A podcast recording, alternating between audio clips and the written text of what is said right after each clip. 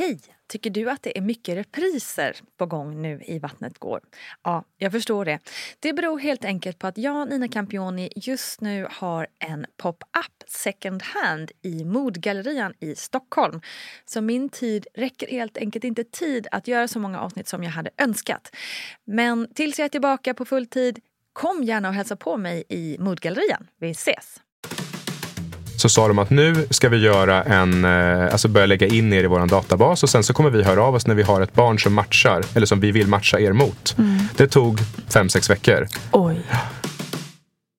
Hej, hej kära lyssnare och varmt välkommen till Vattnet går. Podden om graviditet och förlossning med mig Nina Campioni.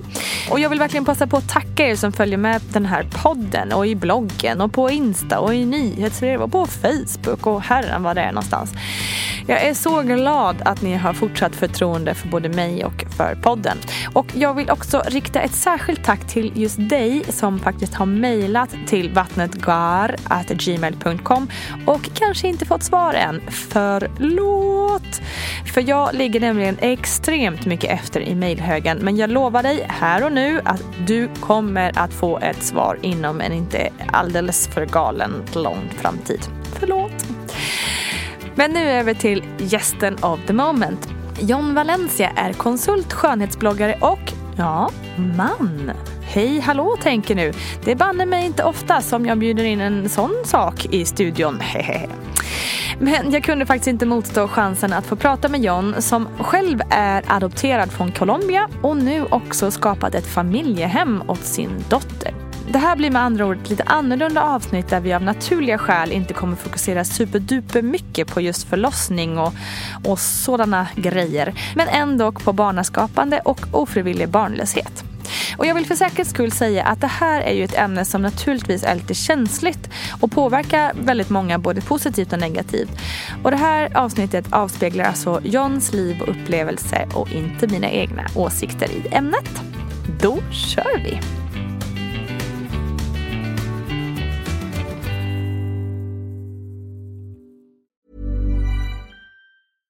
Hey, I'm Ryan Reynolds. At Mint Mobile, we like to do the opposite of what Big Wireless does. They charge you a lot, we charge you a little. So naturally, when they announced they'd be raising their prices due to inflation, we decided to deflate our prices due to not hating you.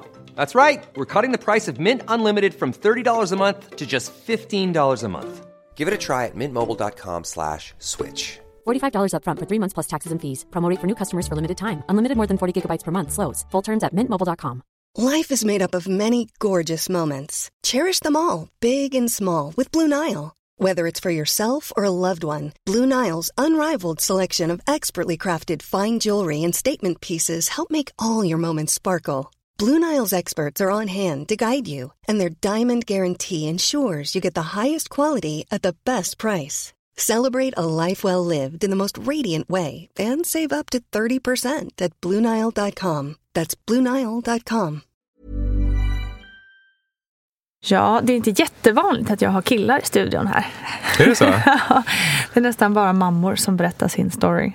Så det här blir lite ett annorlunda avsnitt ja. kan man säga. Men du är adopterad. Stämmer. Ja. Berätta, var kommer du ifrån? Jag är född i Colombia mm. och kom till Sverige 1986 när jag var drygt nio månader gammal. Mm. Så du minns inte mycket? Jag minns ingenting. Nej. Nej. Men jag eh, var med när vi adopterade min lillebror. Mm. Inte min biologiska lillebror, men jag fick en lillebror mm. eh, 1990. Så det mm. minns jag lite grann ifrån. Men annars så inget minne av landet. Mm. Har du fått något berättat i efterhand? Eller? Ja, jag har ju, eh, mina föräldrar eh, som jag kom till har ju en hel del foton. Så att med hjälp av dem kan vi tillsammans berätta, eller de berättar för mig min historia. Mm. Och sen så minns jag lite grann från när vi hämtade min lillebror. Men annars, annars så, nej, inte så mycket. Var dina eh, eh, föräldrar tydliga med och liksom ärliga med bakgrunden eller har de försökt hålla det lite liksom, gömt? Nej, tvärtom faktiskt. Och det mm. tror jag är en stor styrka, i alla fall i mitt fall. Att de har varit väldigt noga med att berätta från början, från när jag var jätteliten, om, de kallade det min första mamma. Mm. Eh, biologi är lite svårt för en tre fyraåring mm. att förstå. Men de var väldigt noga med att berätta. Och i och med att jag har ju en lite mörkare hudton än många andra svenska barn, mm. så blev det eh, alltså, väldigt så naturligt för mig att vi skulle prata om det. Och för dem också. Så att, eh, för att jag skulle kanske få en förståelse varför jag hade kanske lite mörkare hår eller liknande. Mm. Så att jag, nej, nej, men vi har pratat väldigt mycket om det. Så för mig är det helt odramatiskt. Mm. Har det varit problematiskt för dig på något sätt någon gång i ditt liv? Liksom? Inte så som att det har varit problematiskt att jag har drabbats av någon mobbing eller liknande. För att jag har ju varit ganska självsäker i min situation och pratat om det på ett sätt så att barnen runt omkring mig har tyckt det var spännande att lyssna. Mm. Jag har till och med dragit en och annan rövarhistoria för att det skulle bli mer spännande. Men däremot så blev det ju en liten identitetskris i tonåren som mm. det blir för många mm. tonåringar. Men för mig blev det ju en annan kris då jag inte visste kanske riktigt ursprung och jag hade inte hela, menar, hela min bakgrund så som många andra kanske har. Mm. Så att en, en, jag vacklade väl till lite där mellan 13 och 15. Mm. Men eh, i och med att mina föräldrar är väldigt ja, men, lyhörda och så märkte de ju också att det här kanske vi behöver prata lite mer om. Och det var ingenting som var farligare än att vi kunde reda ut det med att bara prata om det. Mm. Och var det någon gång, nu vet inte jag, men har du någon gång sökt dina rötter? Nej, det har Nej. jag inte. Eh, och det har jag inte gjort av den anledningen att jag inte känner att jag letar efter någonting. Jag tror att när man blir adopterad så finns det Ja, det finns ju många varianter, men det finns antingen den som kanske söker och känner att det är någonting som saknas eller någonting man vill ha mm. svar på. Det finns frågor helt enkelt. Men för mig har det inte gjort det, för att vi har ju pratat så mycket om det. Samtidigt så har jag kommit till vad jag tycker den bästa familjen jag kunde ha fått. Och mina föräldrar och jag och min bror för den delen har en så otroligt nära och fin relation så att vi har verkligen blivit som om vi vore en biologisk familj så är vi mm. verkligen lika stark, alltså starkt kopplade till varandra. Mm. Så att nej, för mig har det aldrig funnits någon, någonting att söka. Mm.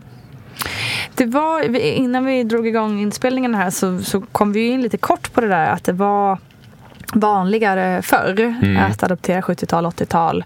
Att det numera har blivit kanske än mer stigma, stigmatiskt runt än vad det var förr. Mm. Hur, hur, ser du på den diskussionen? Och kan du Ja, men jag tror att det har blivit, dels är det ju som jag också sa då, det är ju en, en, en dyr sak att göra. Att adoptera kostar pengar. Mm. Det är en, en känslomässig resa, och såklart en ekonomisk resa.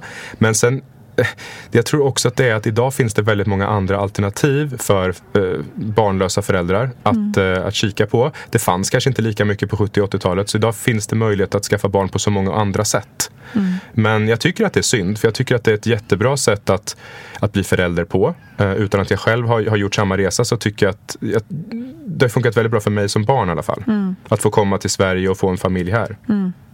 Kan du förstå, för jag har en, en nära kompis som adopterar. Hon, eh, hon har haft ganska mycket struggles just kring det här med kanske rotlösheten och mm. eh, kanske främst också så här vill veta varför hon blir bortadopterad och så vidare.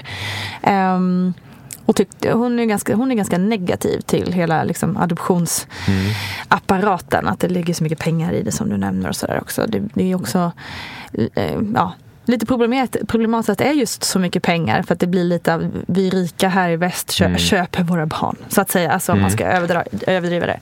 Eh, hur, hur, ser du på, hur ser du på de tankarna? Jag kan förstå det. Mm. Eh, sen tror jag också att det beror lite på vilken del eh, av världen man kommer ifrån. Jag mm. kommer från Colombia, Sydamerika. Eh, vissa, alltså i, i de asiatiska länderna kan jag tänka mig att det är helt andra processer. Mm. För mig så känner jag inte att jag har blivit ett barn som har köpts hit på det sättet. Men jag har hört den här typen av historier och känslor tidigare. Jag respekterar det fullt ut och tycker att det är såklart att det är lite komplext med adoptioner. Jag tycker som sagt att det är synd att vi inte gör det mer. Eh, samtidigt så finns det också idag möjligheten att adoptera inrikes. Det gjorde mm. man kanske inte på den tiden. Mm. Men eh, det, jag, jag, kan förstå de som också tycker att det känns svårt att vara adopterad. För det mm. är ju någonstans, du bryts upp från ett land, kanske långt, långt borta. Du kommer hit, du vet inte riktigt dina, dina rötter och du kanske har en del identitetskrisperioder liksom, i livet där du känner att du inte riktigt ser ut som någon annan. Du känner dig inte som någon annan, du bär på en egen historia. Så jag, jag kan verkligen förstå det. Mm. Um, jag jobbade tidigare för en barnrättsorganisation, eh, Plan International. Mm. Och där gjorde vi ett program som heter Spårlöst och där fick ju eh, människor hjälp att söka sina Just rötter. Det. Och det har aldrig varit aktuellt för mig men jag har verkligen kunnat se fina möten genom den produktionen. Mm. Eh, och jag tycker att det är viktigt att de som känner att de söker någonting ska kunna få söka och finna. Mm.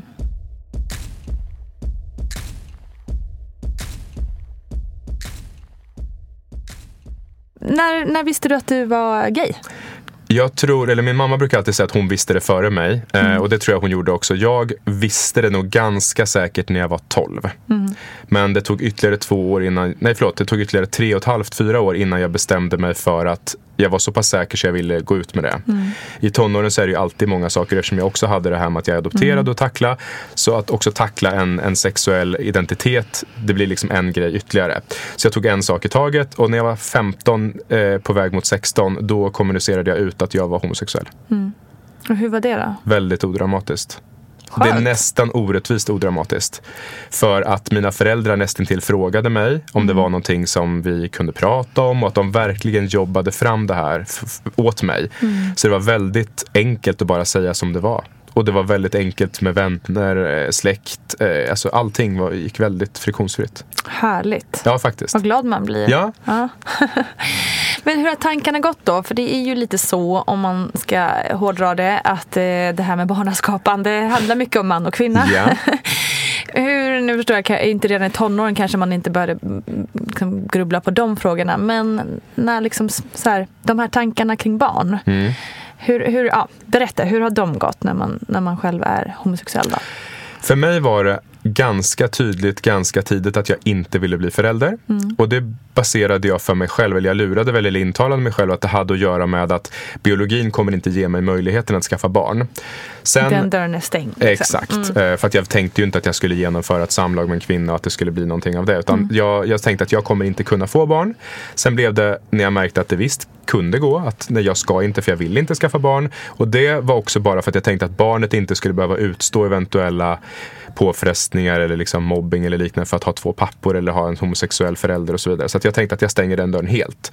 Sen träffade jag min nuvarande... skyddsmekanism, ja, men, liksom. Ja men exakt. Och sen träffade jag min, min eh, nuvarande fästman faktiskt.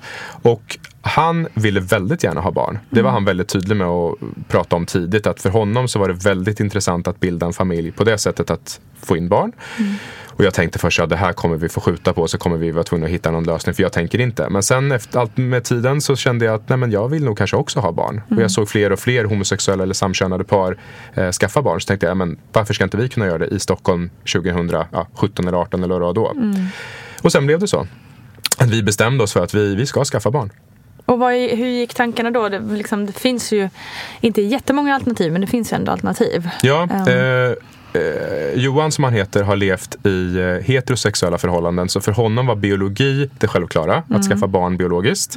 Och för två killar att skaffa barn biologiskt är ju än så länge omöjligt vad jag vet. Eh, det går inte att mixtra och ja, baka ihop DNA på det sättet. Så att det betyder att en av oss hade fått bli den biologiska föräldern. Det kändes inte bra för mig. Jag lägger ingen värdering i det, men för mig kändes det inte bra. Nej. Därför så tittade vi på lösningen att adoptera. Och då var ju det en lång process och som vi pratade om så är det kostsamt och så vidare. Så vi tittade på vad finns det då för Och alternativ? förlåt, får jag också på, Mm. va, det här är också okunskap, men jag har hört Mm. att eh, det är många länder som inte vill adoptera till hon- eh, Ja. samkönade. Det stämmer, men det finns undantag. Okej. Eh, bland annat så kan man adoptera i Sverige som samkönat par. Här godkänner vi det. Och sen är det vissa andra länder som också godkänner det. Och då får man helt enkelt välja på de länderna. Sen just har jag hört, jag ska inte låta det här vara, vara sanning, men det är vad jag har hört. Eh, att i Colombia där jag kommer ifrån så är det okej med samkönade par om den ena parten kommer från landet. Jaha, okej. Och jag är ju från Ja. Colombia så det innebär att de hade kanske kunnat godkänna oss. Just Vilket också är jättemärkligt för varför skulle jag vara mer meriterad som förälder bara för att jag råkar Ja. vara född i landet. Men så att det, vi kollade aldrig närmare på det där för vi upptäckte en annan lösning som Mm. passade oss ännu bättre. Och det var att bli familjehem. Ja. Eh, och det är kanske inte alla som vet vad det innebär men det Nej, är innan, ju... du, innan ja. vi pratade så hade jag faktiskt inte... Jag hade väl hört talas om familjehem men eh, säkert att jag hade hört någon gång på 90-talet och sen aldrig hört det igen. Liksom.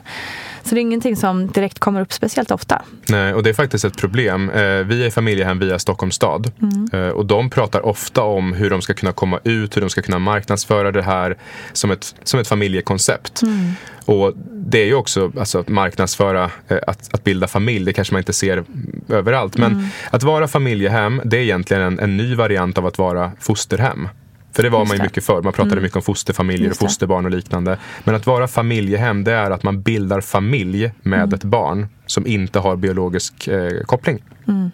Det finns också jourhem och det är två skilda saker och vi är då ett familjehem, det vill säga vi, vi är den här familjen där barnet sen ska stanna och växa upp. Och, vi bildar helt enkelt en familj medan jourhem är en akutinsats.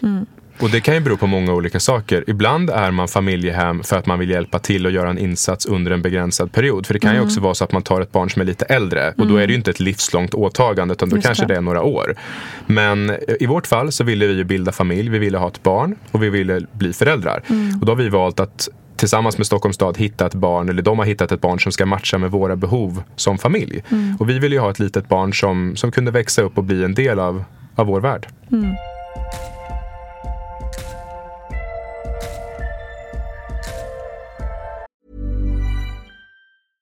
Ryan Reynolds here from Mint Mobile.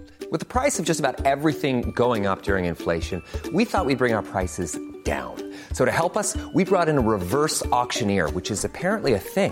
Mint Mobile unlimited premium wireless. Ready to get 30, 30, bit to get 30, bit to get 20, 20, 20, bit to get 20, 20, bit to get 15, 15, 15, 15 just 15 bucks a month. So, Give it a try at mintmobile.com slash switch. $45 upfront for three months plus taxes and fees. Promo rate for new customers for limited time. Unlimited more than 40 gigabytes per month. Slows. Full terms at mintmobile.com. Ready to pop the question? The jewelers at BlueNile.com have got sparkle down to a science with beautiful lab grown diamonds worthy of your most brilliant moments. Their lab grown diamonds are independently graded and guaranteed identical to natural diamonds, and they're ready to ship to your door. Go to BlueNile.com and use promo code LISTEN to get $50 off your purchase of $500 or more. That's code LISTEN at BlueNile.com for $50 off. BlueNile.com code LISTEN. Join us today during the Jeep Celebration event. Right now, get 20% below MSRP for an average of 15178 under MSRP on the purchase of a 2023 Jeep Grand Cherokee Overland 4xE or Summit 4xE. Not compatible with lease offers or with any other consumer incentive offers. 15,178 average based on 20% below average MSRP from all 2023 Grand Cherokee Overland 4xE and Summit 4xE models in dealer stock. Residency restrictions apply. Take retail delivery from dealer stock by 4 1. Jeep is a registered trademark.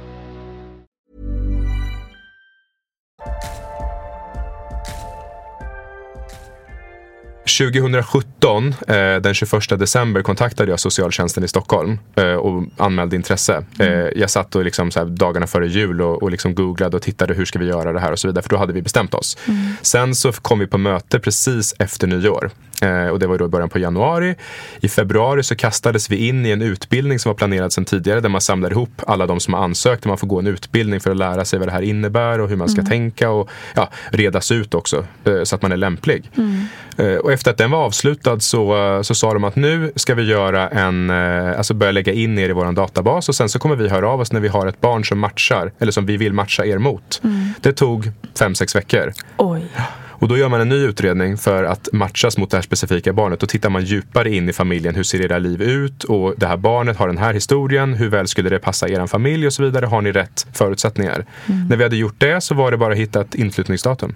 Jesus. Det gick väldigt fort. Ja. Och jag, eh, Det går snabbare än en vanlig graviditet. Ja, men exakt. Och det kan ju du relatera till. Och då vet ju du att då har man lite tid att förbereda sig. Man hinner beställa barnvagn och man hinner göra många sådana saker. Här hanns inte något sånt här med, för det gick så fort. Så det var liksom nästan till att bara stressa igenom allting för att vara så redo som man bara kan bli. Jag får tårar i ögonen. Ja, men det var verkligen en fantastisk, det var den mest fantastiska känslan jag varit med om i hela mitt liv. Och få liksom känna att det här är nu mitt barn. Ja. Otroligt. Mm. Ja, men det blir ju så extra fint på något vis när det är ett litet barn som verkligen, verkligen behöver två älsk, liksom, älskade föräldrar. Och två föräldrar som, som saknar det där som de så gärna vill ha. Mm. ja, det är verkligen som en perfect match. Ja, oavsett, alltså, jag tycker det är jättehäftigt också att man liksom kan ta på sig till exempel att ta hand om en tonåring eller något Mm. som man ja, aldrig träffat. Det är, det är otroligt fint. Just tonåringar var inte aktuellt i Nej, vår familj. För Nej, vi. Mm. är, jag skulle till och med säga att vi är lite för unga för att vara föräldrar åt en tonåring. Det blir lite som att vi nästan blir vänner Jo, snarare än vad, vi blir, eh, än vad vi blir föräldrar. Och man ska ju också kunna mäkta med vad barnet nu kommer med för bagage.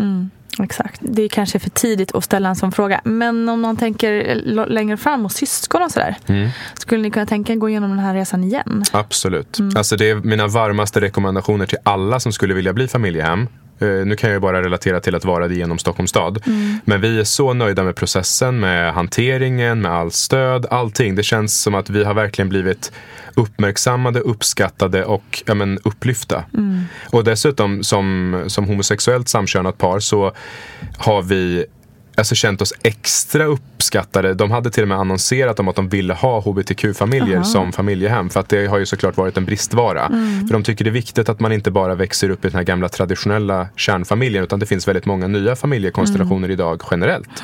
Så att de var jätteglada när vi ansökte. Mm. Och, ehm, Och du berättar också att det finns många barn som Mm. väntar. det, är- det är den jobbiga biten att när vi ansökte så sa de att ja, barn finns det gott om. Och Mm. det är också mycket på grund av eh, flyktingkrisen vi hade 2015. Det är många ensamkommande som fortfarande eh, fyra år senare inte har fått en fast familj. Åh, Gud. Ja.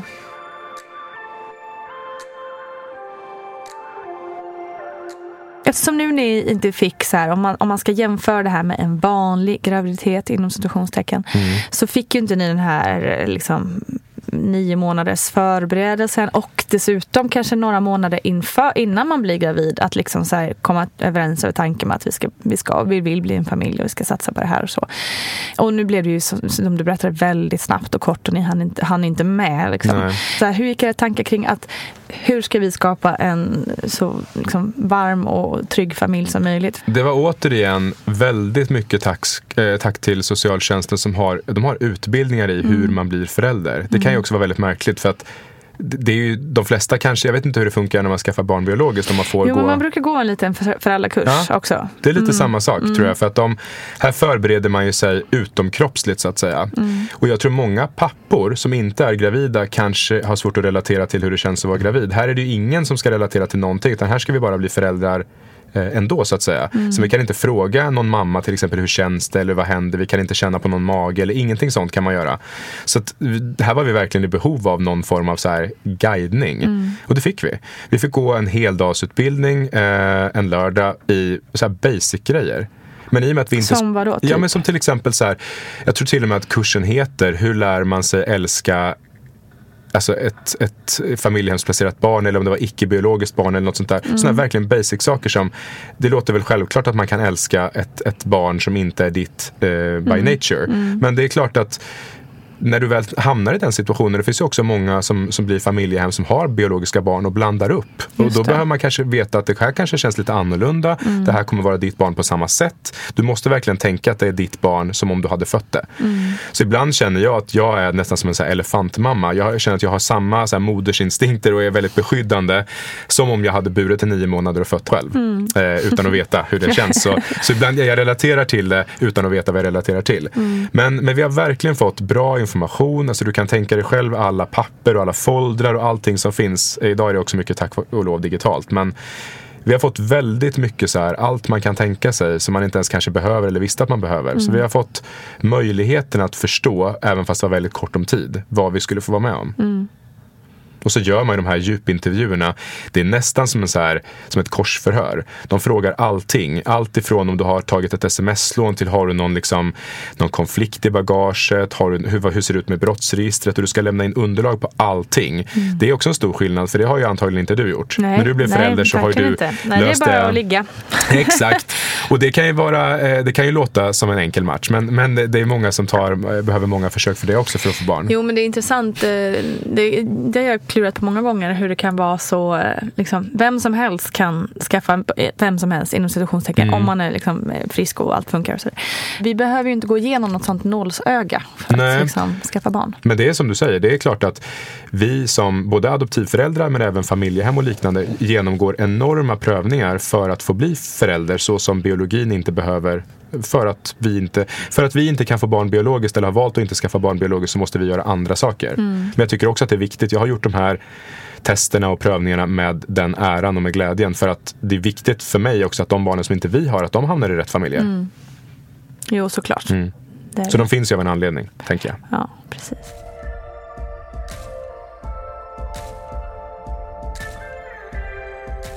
Ja, men det är ändå lite häftigt att du, du har ju liksom erfarenheten på dubbelt upp Mm. eftersom du själv är adopterad. Det är ju nog ganska få ändå kanske som kan säga det. Men jag tror att anledningen till att jag har valt att göra så här själv är för att jag har så fin erfarenhet och känsla för att vara adopterad. Mm. Att jag också som adopterad kan tänka mig att adoptera. Eh, Jag kan tänka mig att de som har en annan känsla absolut inte kan tänka sig adoptera. För att de inte vill utsätta sina barn för samma sak som de själva kanske inte har varit nöjda med. Just det. Ja, men super, superhärligt att, att höra din historia. Verkligen. Ja, men roligt att få dela med sig av den. Jag hoppas också att de som lyssnar på podden kanske får antingen en, en ny vinkel på det eller bara information som de inte hade. Mm, exakt. Har du något tips eller tanke? Om det är någon som, som sitter där ute och lyssnar nu och bara gud det här med familjehem det kanske skulle vara något. Har du någon, någon, någon snabb tips på hur man ska tänka eller göra? Ja, men jag tror att man bara ska tänka att om det är någonting som man kan överväga och tycker låter intressant, vare sig att du har, om du har barn eller inte har barn eller alltså, utflugna barn eller vad det skulle vara så, så tycker jag att det är väldigt bra att läsa på, ta reda på så mycket som möjligt och återigen, det är som att det är sponsrat av socialtjänsten men de har jättebra nätverksträffar. Där vi Jag har också, inte fått några pengar Nej, exakt. Du kanske får. Eh, du får skicka fakt- faktura. Ja, Nej, men de har faktiskt jättebra panelträffar där man kan få höra andra familjehem eh, berätta och familjehemsplacerade barn och även syskon till familjehemsplacerade barn. Så man kan verkligen få höra Mm. från olika håll hur det känns att växa upp i det. Vare sig vilken, vilken roll du än har haft i det. Mm. Så att för oss har det varit jättebra. Eh, och socialtjänsten är bara en av många aktörer. Det finns privata aktörer också. Men att Ah, okej. läsa på, jämföra, titta på vad som passar just dig och din familj. Mm. Jag ska också säga att man kan absolut bli det här som ensamstående vuxen. Det är ingenting man måste vara Jaha. två. Eh, Det behöver Okej, man ju om man ska skaffa barn biologiskt. Oftast så är man ju två. Eh, Men eh, det här är inga krav. Det går jättebra att göra det helt ensam. Wow. Det finns många barn som behöver hjälp i alla fall. Det gör det. Det, finns kan vi för många barn. Men jag tycker inte heller att man ska ha dåligt samvete om man väljer att gå på någon annan lösning eller någon annan väg. För att vi kan bara göra så gott vi kan Mm. eh, för samhället. Vi kan inte heller ta in, öppna upp våra hem för alla barn. Vi får, vi får göra saker det vi tillsammans. Ja. Precis. Tack för att du kom hit. Tack så hemskt mycket. Tusen tack John Valencia för att du ville vara med och berätta din otroliga historia och din sida av adoptionsmyntet. För det här är ju såklart ett ämne som är känsligt och det påverkar väldigt många både positivt och negativt. Så jag vill återigen säga att det här avsnittet handlar ju såklart om Johns liv och hans upplevelser och är inte på något sätt något slags politisk ståndpunkt i det här ämnet. Men kom gärna in till mammagruppen på Facebook så pratar vi mer om det här med adoption och familjehem tycker jag. Kram så länge, tack för att ni lyssnat!